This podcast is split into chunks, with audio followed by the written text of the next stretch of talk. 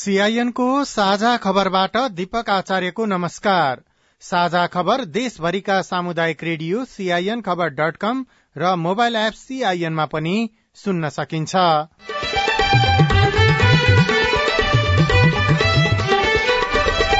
बाराको अम्लेखगंजमा बस दुर्घटना हुँदा सोह्र जनाको मृत्यु बीस भन्दा बढ़ी घाइते। लगातारको वर्षाको कारण देशभरको जनजीवन प्रभावित। नारायणी बुढी गण्डकी लगायतका नदीहरूमा खतराको सतह पार। सतर्क रहन विपद पूर्वानुमान महाशाखाको आग्रह। विशेष गरी नारायण नदीको चाहिँ यो सतर्कता पार गरेको भनेर स्थानीय जनसमुदायलाई चाहिँ सुरक्षित रहनको निम्ति चाहिँ स्थानीय प्रशासनले चाहिँ उहाँहरूलाई सतर्क रहन अनुरोध गर्नुभएको छ। मनाङमा भारी हिमपात। बाढ़ी पहिरो र डुबान पीड़ितको उद्धारमा खटिन गृहमन्त्री बालकृष्ण खाँडद्वारा सम्बन्धित निकायलाई निर्देशन लगातारको वर्षाका कारण राष्ट्रिय तथा अन्तर्राष्ट्रिय उडान प्रभावित। आंशिक रूपमा परिवर्तन भएको छ। अन्तर्राष्ट्रिय विमानहरू चाहिँ अलिकति होलमा पर्यो होला अलिक डिले चाहिँ भयो होला कुनै कुनै बेलामा अलिकति काठमाडौँमा पानी तर्केर पर्दाखेरि। तर क्यान्सलै भएको चाहिँ हामीसँग जानकारी छैन। सीट बाँडफाँडको विषयमा सहमति जुटाउने प्रयासमा आज पनि सत्ता गठबन्धनको बैठक बालुवाटारमा जारी। निर्वाचन आयोगद्वारा निर्वाचनमा उम्मेद्वार हुन पूरा गर्नुपर्ने योग्यता सार्वजनिक। कस्तो उम्मेद्वारहरू योग्य हुन्छ? कस्तो यो उम्मेद्वारले मात्रै मनोनयन दिन पाउँछ भन्ने कुरा सम्बन्धित सबैले जानकारी प्राप्त गरोस् भन्ने उद्देश्यले हामीले आज यो विज्ञप्ति प्रकाशित गरेको र विश्व स्वास्थ्य संगठनद्वारा भारतमा बनेको चारवटा कफ सिरप अर्थात खोकीको औषधिमाथि प्रतिबन्ध।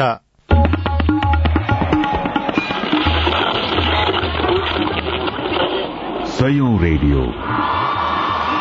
हजारौं रेडियो कर्मी र करोड़ौं नेपालीको माझमा यो हो सामुदायिक सूचना नेटवर्क सीआईएन हाम्रो मुलुकमा उपभोग हुने करिब अस्सी प्रतिशत भन्दा बढ़ी सामग्रीहरू विदेशबाट आयात हुन्छन्। भएका जग्गा जमीन बेचेर महँगा गाड़ी चढ़ने र विदेशी सामान प्रयोग गरेर देखाउने आडम्बरीपन जनताहरूमा बढ़दै गएको छ। जसका कारण जनताहरू र राज्य दुइटै परनिर्भर हुँदै गएको अवस्था छ। खेतीपाती गर्न छोड्ने र भएका कल कारखाना र व्यावसायिक प्रतिष्ठानहरूमा राजनीतिक दलको हस्तक्षेप हुने कारणले आयात बढ़नु स्वाभाविक छ। त्यसैले अब हरेक व्यक्ति र राज्यले उत्पादनलाई सबैभन्दा ठूलो कार्य सम्झेर प्राथमिकता दिनुपर्छ। अब खबर स्नेहा कर्णबाट।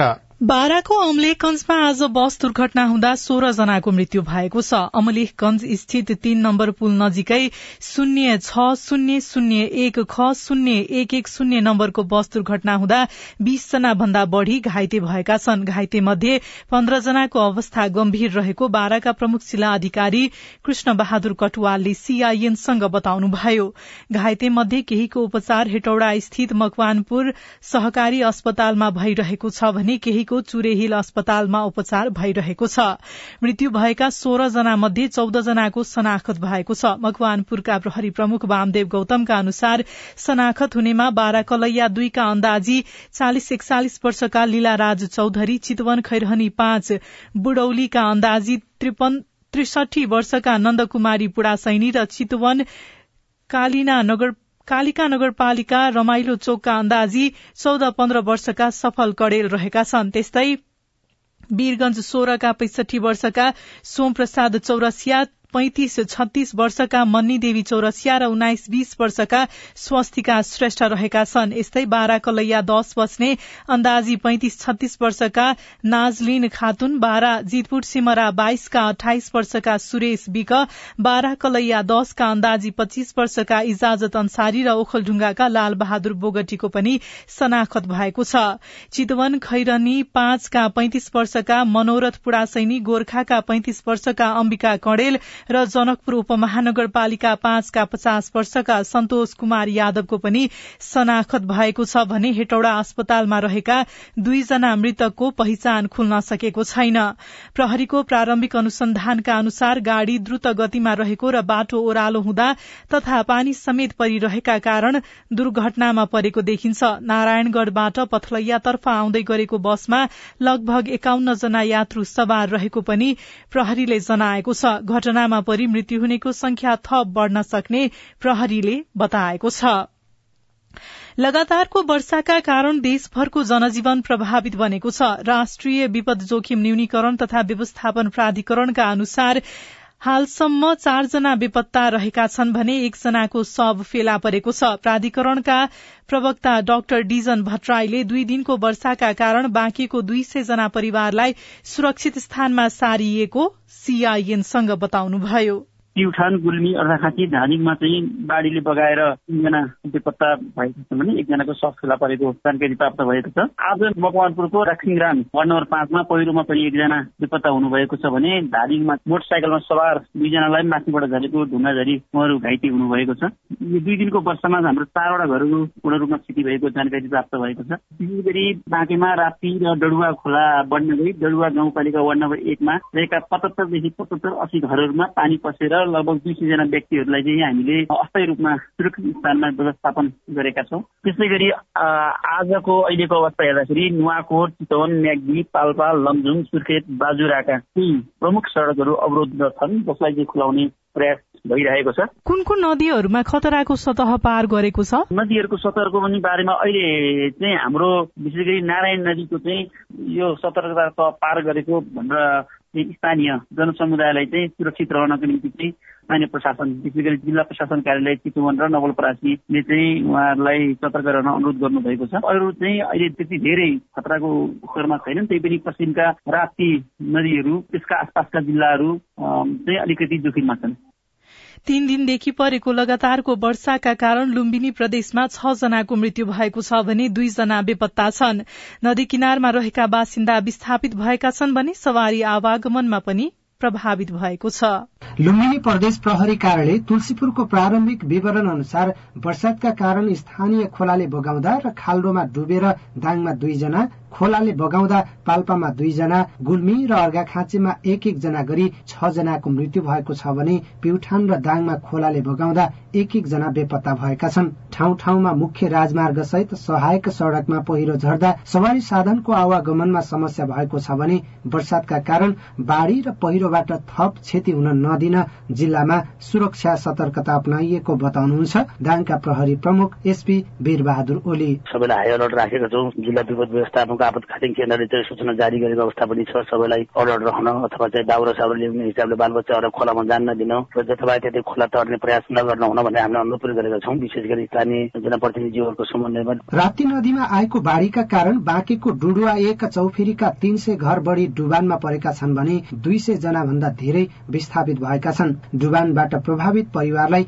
पालिकाले बनाएको सुरक्षित आवासमा सारिएको बाँकेका प्रमुख जिल्ला अधिकारी सूर्य बहादुर खत्रीले बताउनुभयो। भयो सुरक्षित हाउस बनाएको छ पालिकाले अलि हाइट छ दुई सय पचास दुई ढाई सय जति मान्छेलाई त्यो सुरक्षित ठाउँमा सारिन्छ अरू चाहिँ व्यक्तिहरूलाई कसैलाई क्षति भएको छैन। बाँकेको कुसुम जलमापन केन्द्रका अनुसार पश्चिम राप्ती नदीको सतर्कता तह हिजो छ दशमलव चार दुईसम्म पुगेकोमा आज छ दशमलव तीन शून्य आसपासमा रहेको छ। नदीमा पानीको भाव बढ्दै गएमा होलिया बिनौना फतेपुर लगायतका नदी आसपासका क्षेत्र डुबानमा पर्ने जोखिम हुन्छ। बर्दियाको पनि भादा नदीमा आएको बाढ़ीका कारण गोलरिया नगरपालिका पाँच बालापुरमा करिब पच्चीस घर परिवार नजिकैको विद्यालयमा आश्रय लिन बाध्य भएका छन्। बर्दियाका प्रमुख जिल्ला अधिकारी बन्धु प्रसाद बास्तोला। खतराको लेभल भन्दा माथि पुगिसकेको छ र यो गुलरियाको पाँच नम्बर वडामा त्यो हरियाली टोल भन्ने ठाउँमा बालापुर भन्ने ठाउँमा थोरै कटान गरेर बस्तीमा पसेको छ त्यहाँ। त्यस्तो ठुलो क्षति त केही भइसकेको छैन। उनीहरूको सम्पत्तिहरू यता सुरक्षित रूपमा स्कुलतिर सारिरहेको छ। उनीहरू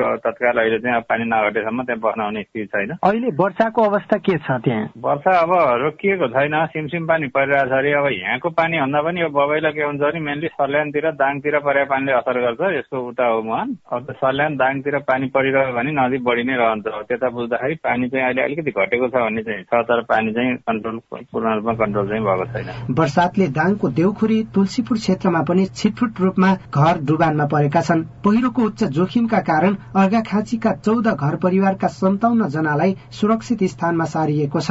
रोल्पा प्युठान अर्घाखाँची र दाङ क्षेत्रमा निरन्तर वर्षा भए राप्ती र बबई नदीले बाँकी र बर्दियामा बढ़ी क्षति पुर्याउने भएकाले आवश्यक सतर्कता अप्नाउन प्रहरी प्रशासनले सूचना जारी गरेका छन्। जित सागर जीएम सीआईएन रेडियो हाम्रो पहुँच दाङ। यसैबीच गृहमन्त्री बालकृष्ण खाड़ले मंगलबार रातिबाट परेको निरन्तरको वर्षाका कारण गएको बाढ़ी पहिरो र डुबान पीड़ितको उद्धारमा खटिन सम्बन्धित निकायलाई निर्देशन दिनुभएको छ। जल तथा मौसम पूर्वानुमान महाशाखाले भने भोलिदेखि मौसममा सुधार हुँदै जाने सम्भावना रहेको बताएको छ।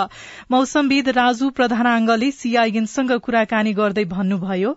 अहिले त देशभरि विशेष गरी अहिले बागमती गण्डकी लुम्बिनी कर्णाली र सुदूरपश्चिममा सामान्यदेखि पूर्णतया बदली छ मधेस र प्रदेश एकमा आंशिकदेखि सामान्य बदली छ र वर्षाको अवस्था हेर्दाखेरि बागमतीदेखि सुदूरपश्चिमका केही भूभागहरूमा हल्कादेखि मध्यम वर्षा छ। र विशेष गरी यो प्रणाली अब पश्चिमतिर सर्दै जाने हुनाले भोलिबाट कति बागमती गण्डकी क्षेत्रहरूमा लुम्बिनी प्रदेशको पनि पूर्वी भूभागहरूमा चाहिँ अलि वर्षाको मात्रामा चाहिँ कमी चाहिँ आउने सम्भावना देखेको छ। र अझ दुई तिन दिनसम्म नै सुदूरपश्चिम क्षेत्रमा धेरै स्थानहरूमा वर्षा हुने र थोरै स्थानहरूमा भारीदेखि धेरै भारी वर्षाको पनि सम्भावना चाहिँ देखिन्छ।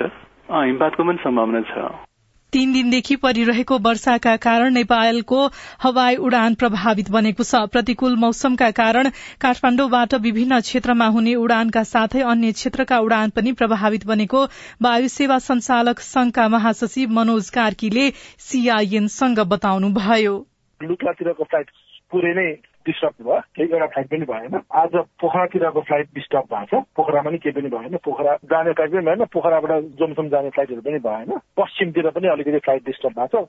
पूर्वतिर चाहिँ अलिक सुचारू भएको छ। आंशिक रूपमा परिवर्तन भएको छ। अन्तर्राष्ट्रिय विमानहरू चाहिँ अलिकति होलमा पर्यो होला। अलिक डिले चाहिँ भयो होला। कुनै कुनै बेलामा अलिकति काठमाडौँमा पानी तर्केर पर्दाखेरि। तर क्यान्सलै भएको चाहिँ हामीसँग जानकारी छैन। पानी यदि निरन्तर पर्यो भने आगामी केही दिन पनि उडानहरू प्रभावित हुने सम्भावना छ? अब यो पोखराबाट हुने दोस्रो दिन भइसक्यो हिजो पनि भएन आज पनि भएन। यथावत रूपमा भयो भने अहिले पर्यटकीय सिजनमा अलिकति पर्यटक आएको बेलामा हाम्रो आन्तरिक गन्तव्यमा जाने विमानहरूलाई अलिकति त्यसले असरै गर्ला। मंगिर चार गते हुने प्रतिनिधि सभा सदस्य र प्रदेश सभा सदस्यतर्फ पहिलो हुने निर्वाचित हुने निर्वाचनको उम्मेद्वारी दिने समय अब तीन दिन मात्रै बाँकी छ। निर्वाचन आयोगले सार्वजनिक गरेको निर्वाचन कार्यतालिका अनुसार असोज तेइस गते कोजाग्रत पूर्णिमाका दिन प्रतिनिधि सभा र प्रदेश सभा सदस्यका लागि उम्मेद्वारी दिन योग्यता सार्वजनिक गरिएको आयोगका प्रवक्ता शालिग्राम शर्मा पौडेलले सीआईएनसँग बताउनुभयो। उम्मेद्वारहरूको योग्यता के हो अयोग्यता के हो भन्ने विषयमा प्रतिनिधि तथा प्रदेश सभा निर्वाचन ऐन दुई हजार चौहत्तरमा भएको व्यवस्थाको बारेमा सबैलाई जानकारी होस् र यसमा कस्तो उम्मेद्वारहरू योग्य हुन्छ कस्तो यी उम्मेद्वारले मात्रै मनोनयन दिन पाउँछ भन्ने कुरा सम्बन्धित सबैले जानकारी प्राप्त गरोस् भन्ने उद्देश्यले हामीले आज यो विज्ञप्ति प्रकाशित गरेको। यो ऐनमा भएकै विषय हो। अलिक जानकारीमूलक होस् सबैतिर बाहिर आओस् भन्ने हिसाबले विज्ञप्ति मार्फत निकालेको हो। विज्ञप्तिमा भए अनुसार उम्मेद्वारहरूको योग्यता भए नभएको चाहिँ आयोगले कसरी निर्क्योल गर्छ नि? त्यो कतिपय चिजहरू त मनोनयनका साथमा राख्नुपर्छ जस्तो अब नागरिकताको प्रमाणपत्रको प्रतिलिपि होला अथवा मतदाता नामावलीको कुराहरू होला अनि त्यसपछि निसा निसाहरूको कुराहरू छ होइन? यी कुराहरू त पेश गर्नु नै पर्छ। तर अब त्यो बाहेक मनोनयन परिसकेपछि अन्य उम्मेद्वार वा उम्मेद्वारको प्रतिनिधिहरूले कुनै उम्मेद्वारको सन्दर्भमा योग्यता पुगेको छैन अथवा ऊ अयोग्य छ भन्यो भने उसले दावी विरोध गर्न सक्छ निर्वाचन अधिकृत समक्ष। र निर्वाचन अधिकृतले त्यो कुरा जाँचबुझ गर्दाखेरि त्यो पुष्टि भयो भने उसले उम्मेद्वारी रद्द गर्छ। दलहरू भने अझै पनि सीट पाडफाडको विषयमा छलफल गरिरहेका छन् विशेष गरी सत्ता गठबन्धनमा सीट पाडफाडको विषयमा सहमति हुन सकेको छैन। साझा खबरमा अब विदेशको खबर। विश्व स्वास्थ्य संगठनले भारतमा बनेको चारवटा कफ सिरप अर्थात खोकीको औषधिमाथि प्रतिबन्ध लगाएको छ। भारतको मेड इन फार्मास्युटिकल्सले बाल बालिकाका लागि उत्पादन गर्दै आएको प्रोमिथेजिन ओरल सोल्युशन कोफिक्स मेलिन मेकअप र मेग्रिप एण्ड कोल्ड सिरपलाई संगठनले प्रतिबन्ध गरेको हो। संगठनका अनुसार ती औषधिमा डाइथिलिन गायक्लोकल र इथिलिन ग्लाइकोलको मात्रा बढ़ी पाइएको छ। यी तत्व मानिसका लागि हानिकारक मानिन्छन्।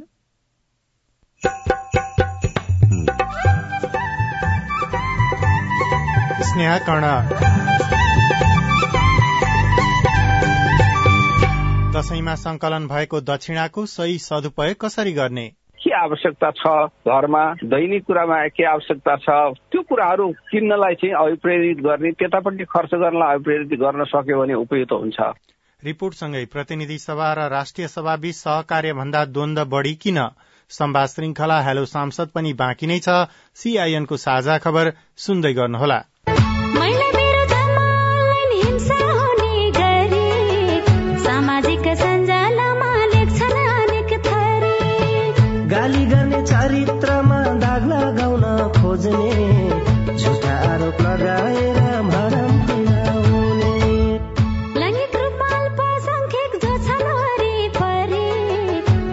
थरी हिंसा गर्छन् होच्याउने गरी। नजिस्काउनु शरीर र यौनिकतालाई हेरी।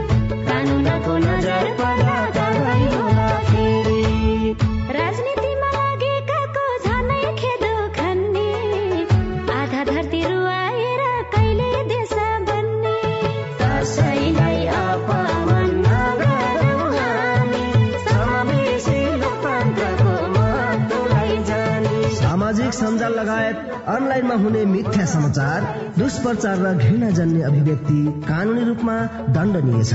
अनलाइन हिंसा नगरौं र नसहौं।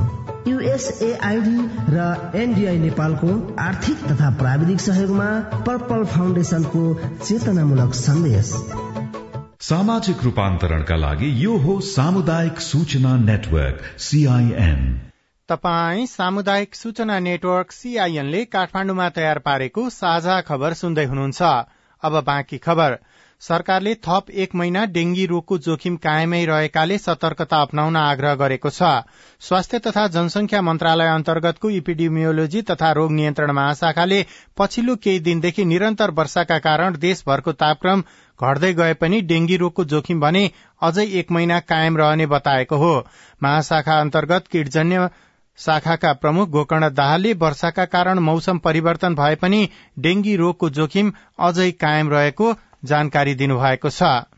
दशैंसँगै दक्षिणा पनि जोडिएर आउँछ। विशेष गरी दशैंमा नाता सम्बन्ध अनुसार टीका लगाइदिएपछि दक्षिणा दिने प्रचलन रहेको छ। औसतमा दक्षिणाका लागि एक परिवारले दश हजार भन्दा बढ़ी खर्च गर्ने गरेको छ। नेपालको कुल जनसंख्याको चौरासी प्रतिशत अर्थात छप्पन्न लाख घर परिवारले दशैं मनाउँदा करिब छप्पन्न अर्ब रूपियाँ दक्षिणाका लागि प्रयोग हुन्छ। तर कतिपयको फजुल खर्चमै दक्षिणा सकिएको हुन्छ। दक्षिणामा पाएको रकमको कसरी सही सदुपयोग गर्ने? हामी सबैलाई दशैं भन्ने बित्तिकै दक्षिणाको पनि याद आउँछ होला। दशैंमा नयाँ नयाँ लुगा लगाएर आफन्तको घर घरमा टीका र आशीर्वाद थाप्न जानु एउटा रमाइलो पक्ष हो भने साना साना बालबालिकालाई दक्षिणाले पनि लोभ्याउने गर्दछ। इलामका रमा कार्कीलाई दशैंको हरेक वर्ष प्रतीक्षा हुन्छ। किनकि दशैंमा पाएको दक्षिणाले उहाँलाई महिना दिनसम्म खर्च गर्न पुग्छ। कहिले काहीँ चाहिँ हामी त्यो खोडखोडे भन्ने खेलिन्थ्यो त्यसमा कहिले काहीँ सबै हारेर सकिन्थ्यो मलाई याद छ होइन? कहिले कहिले हामी बच्चा बच्चा मिलेर त्यो तास पनि खेल्थ्यौँ त्यसमा पनि सकिन्थ्यो तर कहिले काहीँ हामी त्यो जम्मा गरेको पैसाले अलिकति मिठो मिठो खानेकुराहरू किनेर खान्थ्यौँ रमाइलो त्यसमा हुन्थ्यो होइन? दशैंमा टीका थाप्न आएका छोरी चेली ज्वाई आफन्तलाई दिइने धनस वा द्रव्य नै दक्षिणा हो। दशैंमा आ आफ्नो गच्छी अनुसार मान्यजनबाट टीका लगाइसकेपछि दक्षिणा दिने गरिन्छ। भक्तपुरका अनिता बरालको दशैंमा दसदेखि पन्ध्र हजार दक्षिणा संकलन हुन्छ। विवाह अघि कपड़ा किनेर र घुमफिर गरेर सकिने दक्षिणा विवाह पछि भने भाँडाकुड़ाको जोहो गर्न खर्च हुने गरेको छ। बच्चाहरूलाई सिकाउँथे यस्तो पैसा खर्च गर्नु हुँदैन। भनेर चाहिँ उनीहरूको आफ्नो पैसा मिलाएर चाहिँ घरमा युज सामानहरू चाहिँ किन्ने गरेको छु। वर्षै साल एउटा एउटा चाँदीको भाँडाहरू यस्तो लेबर पनि किन्ने गरेको छु। अर्घाखाँचीका पार्वती सारूको भने दशैंको दक्षिणा छोराछोरीका लागि कापी कलम किन्नमा खर्च हुन्छ। दशैंमा छोराछोरीले पाएको दक्षिणा समेत संकलन गरी उहाँ घरायसी खर्चका लागि प्रयोग गर्नुहुन्छ। त्यही पैसा भए पनि कोही बेलामा बच्चाहरूले के के चाहियो भने त्यही पैसाले भए पनि हामी कापी दर्शन त किनिदिन पर्यो नि म्याडम अब के गर्ने? बच्चा त पढाउन पर्यो नि। सुख शान्ति शक्ति र समृद्धिको कामना गर्दै दिइएको दक्षिणालाई घरमा राख्नु भनेको लक्ष्मीलाई भित्र्याउनु हो भन्ने आम विश्वास पनि छ। र कसै कसैले त्यस्तो दक्षिणा खर्च नगरी राख्ने गरेको पनि पाइन्छ। मलाई चाहिँ दिएको दक्षिणा चाहिँ मैले चाहिँ अहिलेसम्म पनि मैले चाहिँ मासेको छैन होइन बचत गरिरहेछ। मैले चाहिँ अब त्यो कुनै अब कसैलाई दुःख परेको बेला त्यस्तोलाई दिनको लागि चाहिँ बचत गरेको छु। यसरी राखिएको पैसा अत्यावश्यक परेको बेला उपयोग गर्न पनि सकिन्छ। दशैंमा प्राप्त दक्षिणा जीवनका महत्वपूर्ण घड़ीमा काम लाग्ने स्थानमा लगानी पनि गर्न सकिन्छ। सुनचादी खरिद गर्न सकिन्छ वा बैंक वित्तीय संस्थामा बचत गर्न पनि सकिन्छ। वा अत्यावश्यक वस्तु खरिद गर्न पनि सकिन्छ। अर्थविज्ञ डाक्टर चन्द्रमणि अधिकारी। त्यसलाई सदुपयोग प्रयोग आफ्नो शिक्षामा लगाउने आफूलाई भोलि प्रविधि प्रयोग गर्नु पर्ला ल्यापटप किन्नु पर्ला यस्तोमा लगाउने भने आखिरी गार्जियनले त्यही कुरा किन्नु पर्दिने हुन्छ त्यही त्यसलाई प्रयोग गर्न सक्छ। के आवश्यकता छ घरमा? दैनिक कुरामा के आवश्यकता छ? त्यो कुराहरू किन्नलाई चाहिँ अभिप्रेरित गर्ने त्यतापट्टि खर्च गर्नलाई अभिप्रेरित गर्न सक्यो भने उपयुक्त हुन्छ। विज्ञहरूका अनुसार औषधमा दक्षिणाका लागि नेपालीले दस हजार भन्दा बढ़ी खर्च गर्छन्। नेपालको कुल जनसंख्याको चौरासी प्रतिशत अर्थात करिब छप्पन्न लाख घर परिवारले दशैं मनाउँदा करिब छप्पन्न अर्ब रूपियाँ दक्षिणाका लागि प्रयोग गर्ने गर्छन्। दक्षिणाको सही सदुपयोग गर्न सके मात्रै पनि छप्पन्न अर्ब रूपियाँको सदुपयोग गर्न सकिन्छ।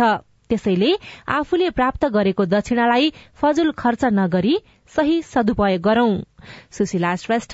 सीआईएन काठमाडौँ तपाई सामुदायिक सूचना नेटवर्क सीआईएनले काठमाण्डुमा तयार पारेको साझा खबर सुन्दै हुनुहुन्छ। साझा खबर मोबाइल एप नेपाली पात्रोबाट पनि सुनिरहनु भएको छ। प्रतिनिधि सभा र राष्ट्रिय सभाबीचको द्वन्दको कारण प्रमाणीकरण गराएर कार्यान्वयनमा लैजानका लागि तदारुकता लिने काम त सरकारको मन्त्रीज्यूहरूको हो नि। कहीँ न कहीँ त्यसमा बढी चाहिँ कमजोरी भएको कारण ती विधेयकहरू अल्पत्र परे कि संवाद श्रृंखला हेलो सांसद बाँकी नै छ। सीआईएनको साझा खबर सुन्दै गर्नुहोला। रमा दिदी। फेरि चुनाव लागे जस्तो छ नि कताको यात्रा हो?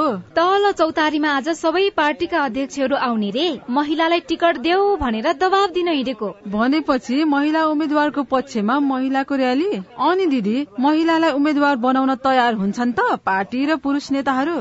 संविधानले तेत्तीस प्रतिशत महिला सहभागिता गराउनु पर्ने भनेको छ। त्यसैले अब महिला उम्मेद्वारलाई मतदान गरी जिताउनु पर्छ क्या? अनि महिला नै किन? पहिलो त जनसंख्याको आधारमा हाम्रो प्रतिनिधित्व हुने कुरा लोकतन्त्रको आधार हो र हाम्रो अधिकार पनि। अर्को महिलाले जितेमा महिला र अन्य पछाडि पारिएका समुदायको मुद्दा सम्बोधन नीतिगत व्यवस्था र कार्यान्वयन प्रभावकारी हुन्छ। सुन्या होला नि जसको सवाल उसकै नेतृत्व। अनि सुन्नु त महिला उम्मेद्वार उठेपछि उनीहरूका घोषणा पत्रमा महिलाका लागि के के विषय राख्ने भन्ने बारे पनि यस्तै खबरदारी गर्नुपर्छ। घोषणा पत्रले महिलाको सवाल समेट्न सक्यो भने पो हाम्रा मुद्दा अगाडि आउँछन्। नेताहरू उत्तरदायी हुन्थे र हामी महिलाहरूलाई पनि भोट दिम दिम लाग्छ नि। महिला उम्मेद्वार उठेपछि महिलाका लागि के के कुरा चाहिन्छ भन्ने बारे त फेरि हामीले नै सुझाव दिने हो क्या? आगामी मंगिर चारको प्रतिनिधि र प्रदेश सभा निर्वाचनका लागि संविधानको व्यवस्था अनुसार महिला उम्मेद्वारलाई मतदान गरौं।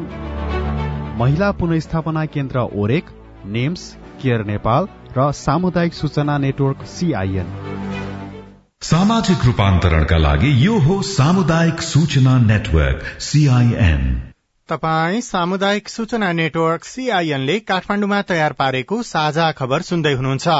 अब प्रस्तुत छ सम्वाद श्रृंखला हेलो सांसद। नमस्कार। हेलो सांसदमा तपाईँलाई हार्दिक स्वागत छ। म लील प्रकाश चन्द प्रतिनिधि सभाको कार्यकाल सँगै सांसदहरूको कार्यकाल सकिएको अवस्थामा राष्ट्रिय सभाको काम कार्यवाहीको अहिलेको अवस्था। यो पाँच वर्षमा समग्र देखिएका उतार चढ़ावको विषयमा छलफल गर्दैछौ। त्यो विषयमा कुराकानी गर्नको लागि आज हामीसँग राष्ट्रिय सभाका सचिव राजेन्द्र फुयाल हुनुहुन्छ। यहाँलाई स्वागत छ। हजुर धन्यवाद। राष्ट्रिय सभा र प्रतिनिधि सभा बीचको समन्वयको अवस्था कस्तो रह्यो पाँच वर्षको समयावधिमा? दुईटा हाउसको सम्बन्ध र दुईटा हाउसको कामलाई समग्रतामा हेर्नुभयो भने पहिलो चाहिँ संविधान कार्यान्वयनसँग सम्बन्धित कानूनहरूको निर्माणलाई हेर्नुपर्छ।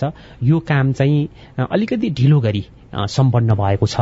तर त्यसका प्रक्रियाहरू नेपाल सरकारले विधेयकहरू ल्याउँदाखेरि अलि ढिलो गरी ल्याइ पुर्याएको हुनाले त्यसमा जुन स्केलमा छलफल हुनु पर्थ्यो संसदीय समितिहरूले जति समय पाउनु पर्थ्यो त्यसमा अलिकति अभाव रह्यो। राष्ट्रिय सभा र प्रतिनिधि सभा बीचको सम्बन्ध प्रतिस्पर्धात्मक अन्योन्याश्रित अथवा समन्वयात्मक तीनवटा मध्ये चाहिँ कुन रोज्नुहुन्छ? दुईटा सभाको सम्बन्ध वा दुईटा सभाको टसलको रूपमा मैले यो उदाहरणलाई हेर्दिन। नेपाल सरकारको प्रायोरिटीको कुरा हो।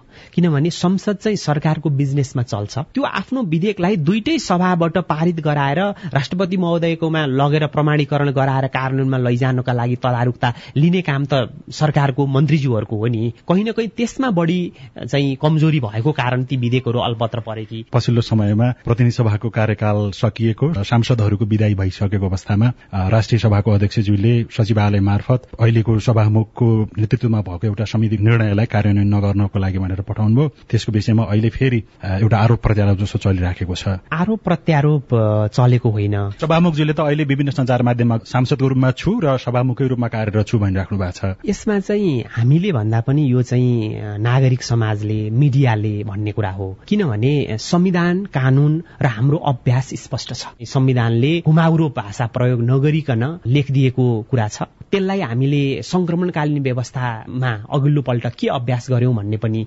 स्पष्ट छ। त्यसकारण यो यति प्रष्ट भएको विषयमा विवाद गरिरहनु आवश्यक विषय नै होइन। सांसदहरूको सुरुमा निर्वाचित भएर आउँदादेखि पद सकिएर अथवा समयावधि सकिएर बाहिरिँदै गर्दाखेरि हरेक सांसद आउँछन् जान्छन् त्यस्तै खालकै नै हो कि केही नयाँ परिवर्तनहरू देख्नुभयो पाँच वर्षमा? यो पाँच वर्षमा समिति प्रणालीहरू विगतको भन्दा प्रतिनिधि सभातिरको हेर्दाखेरि चाहिँ अलिकति कमजोर भएको जस्तो देखिन्छ। कमजोर व्यक्तिहरू त्यहाँ गए अथवा उनीहरूले काम गर्न सकेनन् अथवा काम गरे निर्देशन दिए तर कार्यान्वयनको पाटोमा झन् समस्या देखिएको भन्न खोज्छ संसदीय समितिहरूको उसले मूलत ओभरसाइट एजेन्सीको रूपमा गर्नुपर्ने कामहरू यसले दिने निर्देशनको एकरूपताका कुरा निर्देशनको स्तरीयताका कुरा यसको समग्रतामा यसको चाहिँ मापन हुन्छ। संघीय संसद सचिवालयको तर्फबाट प्रतिनिधि सभा सचिवको नेतृत्वमा एउटा अध्ययन समिति बनेको थियो र त्यो अध्ययन समितिको सदस्यको रूपमा त्यसका केही अध्ययन प्रक्रियामा म पनि सहभागी थिएँ। विज्ञहरू सहितको अध्ययनको निष्कर्ष त्यतातिर उन्मुख भएको हुनाले मात्रै मैले त्यो कुरा चाहिँ उल्लेख गरेको हो। प्रणाली बसाउने भनिसकेपछि त्यसमा संसदको प्रभावकारिताको कुरा हुन्छ। संसद प्रभावकारी भयो भने सरकार चाहिँ स्वत प्रभावकारी हुन्छ। प्रतिनिधि सभाको भित्र त्यहाँको जुन गतिविधि देखियो त्यो सरेर प्रदेशमा पनि पुग्यो जस्तो लाग्छ कि? त्यति धेरै टिप्पणी गर्ने बेला भइसकेको छैन। संघीयता कार्यान्वयन भएको पहिलो पाँच वर्ष हो यो र शून्यबाट सुरु गरेर प्रदेश सभा र प्रदेश सरकारहरू भर्खर स्थापित भएका छन्। एक थरीले यसलाई विकासको पर्यायको रूपमा विकासको एजेन्सीको रूपमा लिएको पाइन्छ। एक थरीले यसलाई चाहिँ पहिचानको रूपमा लिएको पाइन्छ। र एक थरीले यसलाई द्वन्द व्यवस्थापनको रूपमा लिएको पाइन्छ। तर मेरो विचारमा यी तीनटै कुरालाई समग्रतामा हेरियो भनेदेखि यसको औचित्य पुष्टि हुन्छ। एउटा त मूल्याङ्कन गर्ने यो अवधि नै होइन यो एक दुई इलेक्सन पछाडि यसको आउला। तर सुरुवाती चरण चाहिँ ठिकै ठिकै मध्यम स्तरको भन्दाखेरि चाहिँ यसलाई उपयुक्त हुन्छ होला। प्रदेश मार्फतको समितिहरूलाई संसदीय समितिलाई पनि अझै मूल्याङ्कन गर्ने समय भइ नसकेको अवस्था भन्ने कि अथवा प्रदेश सभा मार्फतका समितिहरूले अझ राम्रो अथवा अझ कमजोर देखिए भन्ने लाग्छ यहाँलाई अलिकति डुप्लिकेसन चाहिँ भएको देखिन्छ। प्रदेश सभामा मात्रै नभएर जस्तो संघीय सरकारको मन्त्रालयको नाम र कार्यक्षेत्र र प्रदेशका मन्त्रालयको नाम र कार्यक्षेत्र ठ्याक्कै उस्तै देखिन्छ। तपाईँ मार्फत खालि म एउटा क्वेसन मात्रै रेज गर्न चाहन्छु। संघीयतामा यस्तै हो त? संघले खास क्षेत्रको मतलब एउटा वृहत क्षेत्रको क्षेत्राधिकार लिने प्रदेशहरूले त्यो अन्तर्गत आफ्नो ठाउँमा स्वायत्त छ तर संविधानले दिएको क्षेत्राधिकार भित्रको अर्को विषय लिनुपर्ने होइन र समितिहरूको जुन कार्यक्षेत्र छ अथवा कार्य प्रणाली छ त्यो त एकरूपता मिल्दोजुल्दो हुने भयो। तर त्यो भित्र फेरि ठ्याक्कै काम गर्ने फिल्ड भनौँ न बोलीचालीको भाषामा त्यो त फरक हुनुपर्ने होइन र यो बीचमा हामी राष्ट्रिय सभाको तर्फबाट सातै प्रदेशमा जाने मान्यज्यूहरूसँग प्रदेश सभाका सदस्यज्यूहरूसँग र स्थानीय तहका निर्वाचित जनप्रतिनिधिहरूसँग चाहिँ छलफल अन्तर्क्रिया पनि गर्यौं यो अधिकार पाइयो पाइएन स्रोतको हस्तान्तरण भयो भएन लगायतका विषयहरू उठेका छन्। राष्ट्रिय सभाको अहिलेसम्मको समयावधि हेर्दाखेरि सयमा कति जति अङ्क दिन तपाईँ तयार हुनुहुन्छ त? परीक्षार्थीको पार्टमा छु। त्यसकारण यसको मापन गरेर अङ्क मैले तोक्नु यो न्यायचित हुँदैन। यो एउटा कानून निर्माणको अध्ययन अनुसन्धानको एउटा नयाँ आयाम पनि हो।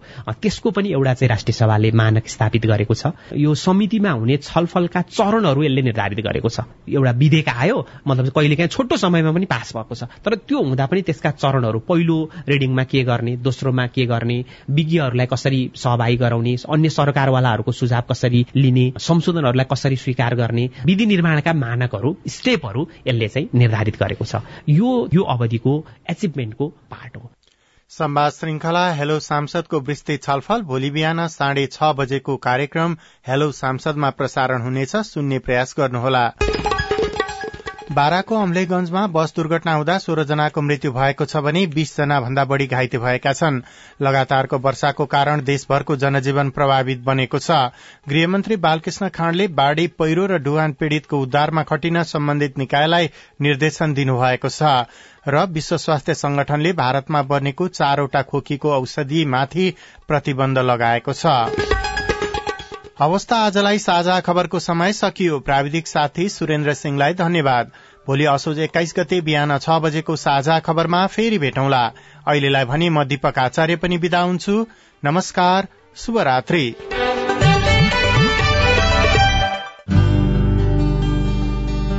शान्ति